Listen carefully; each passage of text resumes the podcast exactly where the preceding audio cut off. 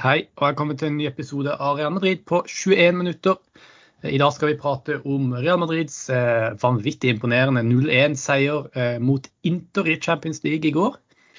Eh, og Dere legger kanskje merke til at vi i podkasten til og med har tatt litt inspirasjon fra den matchen. For vår nye logo den er pryda av målskårer Rodrigo med nummer 21 bak på drakta. Det var noen allerede i medlemsgruppa som hadde lagt merke til, så det var veldig kult at, eh, at det ble lagt merke til såpass tidlig. Med meg til å prate om kampen har jeg som alltid Martin. Hallo. Morgen, morgen. God kveld. God kveld. Eh, er du fornøyd med den nye logoen vår? Ja, jeg syns den var veldig stilig. Vi, vi, nevnte jo egentlig veldig tidlig at nå måtte vi finne et, eh, et stilig bilde av ryggtavla til Rodrigo. Og så lette vi litt og fant liksom ikke noe vi ble fornøyd med. men det, da ble det jo veldig passende at han kom i fokus som han gjorde i går, og vi fikk et, et godt og fresht bilde. Ja. Og for å være helt ærlig syns jeg egentlig ikke at det har vært vår feil heller, for han har ikke spilt så mye. Så det har ikke vært så mye å ta Men han har jo spilt eh, Han bikka vel 100 minutter totalt denne sesongen her med opptredenen i går, og det, det, sier litt om hvor lite han har spilt. Mm. Så det var godt at han kom i begivenhetens sentrum i går, og at vi fikk et uh, nydelig bilde med han og drakt nummer 21 uh, eh, bakpå. Og ikke minst veldig representativt at det er i Champions League også. Så ja, selvfølgelig. Det er Madrid, da, da, da, skal det liksom være Champions League. Mm. Nemlig. Vi skal prate litt mer om eh, hvorfor eh, Rodrigo og Champions League går, eh, går som hånd i hanske etter hvert. Det må vi nesten prate om. Men eh, altså, borte mot Inter i Champions League. La oss bare ta Real Madrid sin gruppe først. Bare for å liksom, si litt om hvorfor dette her er et såpass bra resultat. For Real Madrid møter jo altså Inter, Sjakta Donetsk, og du tenker kanskje nå eh, Nei, Christian, nå leser du gruppene fra i fjor. Det, vi har fått omtrent samme gruppe som i fjor, bare at eh, Borussia Mönchengladbach er blitt erstatta av Sheriff. Sheriff vant mot Shakhtar i første kamp, og Real Madrid spilte da i går den, det som på papiret er gruppespillets tøffeste kamp. Og den tok de altså tre poeng i og holdt nullen. Eh, vi skal prate litt mer om selve prestasjonen etterpå, for der er det en del å pirke på. Men resultatet. Hvor viktig er det for Real Madrid i dette gruppespillet, og hvor sterkt resultat er det? Altså 1-0 eh, borte på, eh, på San Siro, eller Giuseppe Miazza, som eh, vel er navnet i Inter-sammenheng, det, det, er veldig sterkt. Carlo Angelotti ble vel den første, første Real Madrid-treneren jeg tror noensinne faktisk, til å vinne i Italia to ganger på rad eller noe i den duren som ikke heter Zinedine Zidane. Uh, og, det, og, det, sier jo egentlig, egentlig nok om, uh, om, hvor stort det er. og altså ting er å vinne isolert sett borte mot Inter, men det å også få, få den seieren som første kamp i gruppespillet, og i tillegg at man har den faktoren om at man vinner på en dårlig dag, Real de fortjente ikke å inn i år. Det er på en måte tre eh, Summen av de tre, da. Det gjør at eh, man reiser hjem til Madrid med en veldig god følelse. Ja. Så jeg syns det er veldig viktig å tenke på også at um, Inter faktisk er Real Madrids største konkurrent til å vinne denne gruppa. Uh, vi har lært de siste sesongene hvor viktig det kan være å vinne sin gruppe. Real Madrid røyk ut av Champions League for to sesonger siden mot Manchester City i åttendelsfinalen fordi at de kom på andreplass i sin gruppe. I fjor kom de på førsteplass.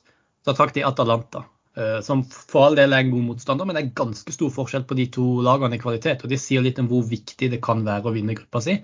Eh, og Derfor syns jeg det er ekstremt viktig at Real Madrid faktisk eh, tar denne første seieren mot Inter og setter seg sjøl i en vanvittig god posisjon til å vinne denne gruppa. For hvis du ser på Real Madrids neste kamper nå, så, jo, så møter de Sheriff eh, hjemme. Så er det Sjakta borte, så er det Sjakta hjemme, så er det Sheriff borte, og så er det Inter i siste kampen. Som vil si at Real Madrid på papiret burde ha full pott. Eh, både borte hjemme mot Sheriff, og derfor så har de full kontroll på denne gruppa så er det jo sånn at det er sånn det skal være på papiret. Og vi så jo i fjor at det å vinne mot Sjaktar eh, er ekstremt vanskelig. For Real Madrid tapte begge kampene mot Sjaktar i fjor. Men på papiret så har Real Madrid unnagjort den vanskeligste kampen i gruppa, og de tok tre poeng igjen. Og det syns jeg rett og slett er Det er veldig, veldig viktig å ta denne seieren, syns jeg. Og som du sier, på en dårlig dag også. Så, så virkelig en, en, fantastisk start på denne Champions League-sesongen av Real Madrid. Når det er sagt, resultatet er én ting. Men jeg tror Real Madrid skal være ganske takknemlig for at vi har en av verdens beste keepere i mål, eller? Ja, altså Den kampen Thibaut Courtois leverte i går, det er litt sånn det er van... Jeg satt og funderte litt for meg selv etter kampen. sånn Jeg leste veldig mye hyllest av Courtois. Så tenkte jeg at jo, han hadde jo ingen sånne sinnssyke redninger. Men det, jo, det går jo òg på keepertypen og eh, ikke minst lengden hans. Altså hadde eh, man bare kunne tatt og bare bytta ut Courtois med Keylor Navas i går, så skulle Keylor Navas gjort akkurat de samme redningene på akkurat de samme skuddene, så hadde man nok snakket enda mer om hvilken fantastisk keeperprestasjon det er. Og Det er fordi at Keylor Navas er lavere, baserer spillet sitt mer på reaksjoner, ikke like god i posisjonsspillet eh, og får det til å se enda mer ekstravagant ut. Mens Courtois han er liksom han er så stabilt og god og så solid og står på rett sted til rett tid nesten hele tiden. Eh, og får det til å se så grått ut. da. Han, mm. han klarer ikke å krydre det gående gjør. Det er ikke, det er ikke noe krav at noen skal gjøre det. Men det er liksom Jeg så og tenkte over det. Vi, skjønner ikke hvor, hvor heldige vi Real Madrid-supportere egentlig er. Som nå har Courtois i mål. og man, kan, man, må ikke glemme altså. altså er, det, det, er to år siden Courtois ble bua på og eh, måtte byttes ut hjemme mot Klubb Brygge i Champions League etter i hvert fall én giganttabbe. Eh, der det ble masse spekulasjoner om at han slet psykisk pga. presset av å spille i Real Madrid og ja, alt det her. Og en i måten han sånn har kjempet seg tilbake og vunnet Real Madrid-fansens hjerter, men eh, måten han har også, også, hevet seg i nivå siden han kom til klubben, det er, det er mektig imponerende. Mm. Ja, Vi har prata mye om eh, Courtois eh, tidligere i denne poden. Og vi har jo egentlig kommet fram til at det, det fins bare en keeper i verden som er bedre enn Courtois, og det er Jan Oblak. Er du, er du enig i det? Altså, jeg mener Jan Oblak er verdens desidert beste keeper. Uh, og bak han er det veldig, veldig, veldig veldig jevnt. Jeg, altså, Thibaut Courtois absolutt der. Jeg vil på mange måter likestille Manuel Neuer og Thibaut Courtois. Jeg synes Det er vanskelig å skille de to. Ja. Eh, men kjør de to på delt andreplass, og så har du resten hakket her bak der igjen. Ja, absolutt. Og vi kommer nok til å få se mye mer også av Tibor Courtois denne sesongen. Eh, han kommer nok til å ha langt mer å gjøre nå enn det han har hatt eh, tidligere. og Det gjør jo at man, man ser det nivået han har inne. Og når du bare tenker på hvor god han var for Real Madrid, og hvor viktig han var for Real Madrid forrige sesong. Det var jo flere kamper der hvor vi, hvor vi rett og slett trakk fram Courtois som en matchvinner. Og hvis du da tenker på det nivået han hadde i fjor, og at han i år antageligvis kommer til å få enda mer å gjøre, så er det ingen tvil om at han kommer til å bli en av lagets viktigste spillere også denne sesongen. Og det syns jeg du så allerede i går. Ehm, når det er sagt, så må vi jo da prate litt om forsvaret i går. Fordi eh, David Alaba var tilbake i laget. Eh, starta som midtstopper, og Nacho starta som høyre back. Og Det var det mange som reagerte på. Fordi det ville jo virka mer naturlig, for det er jo det de har gjort tidligere i sesongen. At eh, Nacho starta som midtstopper, og David Alaba starta som venstre back. Men dette her er jo et ganske tydelig tegn fra Carlo Angelotti om at David Alaba han er kommet for å spille midtstopper. Og at Angelotti foretrekker å bruke han som midtstopper. Og etter gårsdagens kamp eh, så er jeg egentlig veldig, veldig enig med han. Jeg syns at Alaba spilte en Han var litt rufsete i begynnelsen, eh, men det var egentlig hele Real Madrid-laget. Intensiteten var ikke helt der. Eh, og Inter spilte veldig bra. Men etter hvert så syns jeg at du så David Alaba ta føringa i Forsvaret, og, og virkelig gjorde en, en, god kamp. Men det får en jo til å tenke Hva gjorde Nacho på venstre bekk? Eh, hva tenker du om den der sammensetninga? Er det helt riktig at Alaba spiller midtstopper, eller burde man vurdere å bytte om igjen? Er du uenig med meg, egentlig, det jeg spør om? Nei, altså, jeg er, jeg er ikke det. Jeg eh, Jeg syns David Alaba i Bayern München var en fantastisk, fantastisk venstreback. Så røk han vel korsbåndet, det begynner å bli noen år siden, men, og da, da mistet han litt den derre Kall det ekstremfarten. Han har fortsatt en vanvittig innleggsfot, men jeg er veldig enig med Angelotti i at Alaba har noen unike kvaliteter som på mange måter kommer mer til sin gode eh, og gir Real Madrid en større konkurransefordel Mm. eh, som midtstopper. Eh, og da må jeg også si at jeg syns det er bedre at man da faktisk rendyrker han som midtstopper, enn at man eh, kjører litt sånn derre enten-eller-løsning med midtstopper ene kampen, back andre kampen, midtstopper ene kampen, back andre kampen. Eh, jeg kommenterte bl.a. det første seriekamp mot Alaves. Den hadde spilt som midtstopper i hele sesongoppkjøringen. At jeg syntes han så rusten ut som back. Eh, og det vil da, da vil han aldri rekke å spille seg varm i én posisjon og spille seg ordentlig trygg. Eh, det syns jeg er lite ideelt, og sånn sett syns jeg det er veldig greit at eh, altså Alaba er stopper, punktum. Men da syns jeg òg det er rart at Angelotti da tidligere i sesongen, som da mot Alaves, kjørte Nacho som stopper og Alaba som back. Det kan jeg ikke helt forstå.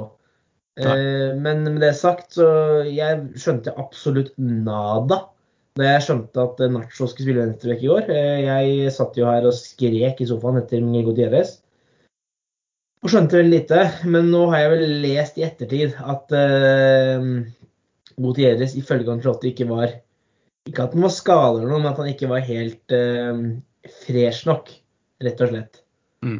Uh, og det, altså, det er sånn sett en fair begynnelse, det. Og det er bedre at man da kjører Nacho som i hvert fall i utgangspunktet er en veldig trygg defensivt valg, istedenfor å kjøre den med Miguel Gutierrez på 93 eh, Og det, de, de syv manglende prosentene kan være veldig skjebnesvanger i kamp som borte mot Inter. Ja, og iallfall for en såpass ung eh, og fortsatt relativt urutinert eh, venstreback, eh, som da skulle opp mot eh, det, ble, det var jo Darmian i første omgang, men også sånn som Inter spiller, så kommer han jo også til å være mye i dueller med både Lautaro Martinez og Edin Djeko. Så eh, sånn sett så virker det jo ganske naturlig at, at Nacho burde starte, da. Men eh, jeg syns Real Madrid mista veldig mye offensivt av å ha Mm. Nacho som venstreback. Eh, og det syns jeg det svekka nesten Venicius litt også.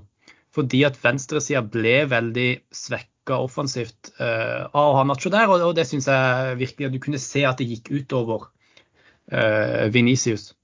Ja, Venitius ble jo veldig isolert og veldig alene nettopp fordi at man ikke hadde den kraften og denne faktoren på venstrekanten som Mm. holdt på å si, dra, drar vekk oppmerksomhet. Ja. Eh, og det gjorde at eh, For vi, vi snakket litt om det i, i det vår gruppechat eh, under kampen i går, om nettopp Venitius. Og jeg syns iallfall selv da, at han ble veldig godt passa på av eh, Marcelo Brozovic, eh, som tok ut veldig mye dybde på eh, holdt på å si, inntil sin da høyre midtkant og Real Madrid sin venstrekant. I tillegg til at Milan Skriniar kanskje var banens beste spiller i går. Eh, Ja. Han var enormt god og enormt eh, kompromissløs i duellene med Vinicius. Ikke, ikke noe stygt i noen ting, eh, kun meget godt stopperspill. Eh, Og gjorde ting veldig veldig vanskelig. Og når da Vinicius igjen i store deler av kampen blir isol- isolert og ikke får si, gode, kort på hånda av arbeidskameratene sine, da, da blir det vanskelig. Mm. Eh, så Real Madrid sleit eh, rett og slett i, i første omgang med å skape sjanser, og Inter var rett og slett vanvittig mye bedre i første omgang. De skapte gode sjanser. Eh, Dzeko og Lautaro Martinez kombinerte flott. Og for å være helt ærlig syns jeg Real Madrid nesten virka litt sånn slitne. Eh, de hadde rett og slett ikke intensitetsnivået eh, som det Inter hadde. Eh, og det, det var litt rart å se. Det kan, kan det ha noe å gjøre med at Real Madrid spilte kamp på søndag? Tja, kanskje, men Inter spilte jo også kamp i helga. Det skal ikke ha noe å si det at de har spilt kamp på søndag. Altså, Nei. det kan ha det. Jeg, men så er spørsmålet, da. Var det Real Madrid som var slitne, eller var det Inter som bare var ekstremt energiske? Mm. Hvis man måtte snu litt på det. Eh, la oss bare gi det Altså, man hadde Real Madrid i helgen som kom tilbake fra underlege to ganger mot Celta Vigo. Første gang hjemme for egne supportere igjen på veldig, veldig lang tid, som vi har snakket om. Eh, for å bruke litt samme narrativet her, så er det jo inn for Inter del første Champions League-kamp hjemme på eller hjemme på eget gress med supporter i ryggen på og igjen da veldig, veldig, veldig lang tid. Og det er jo igjen da en faktor som gir disse gutta her de 5-10% ekstra, som er helt utslagsgivende. Og det, de ekstra adrenalinene som gjør at du merker kanskje ikke at du ikke orker de siste femmeterne. Eh, og som gjør kanskje de ekstra femmeterne enda tyngre for Real Madrid-gutta. Ja. Og så kommer man inn i en litt sånn vond sirkel. Og når man da vinner, vinner en sånn tett duell, så fyrer publikum seg opp enda mer. Ja. Og så går det litt sånn. Og jeg, spesielt første gangen eh, så merka jeg både på lydnivået at det var en elektrisk stemning Ja. når Inter pressa Real Madrid høyt og var lyktes med det. Eh, Og de, de, de, ble, de ble helt sånn forfjamsa. Sånn, eh, hva, hva gjør vi nå? Man prøvde masse forskjellig uten hell og ble litt sånn Hjelp! Jeg var bare sjeleglad av det sto 0-0 i pause.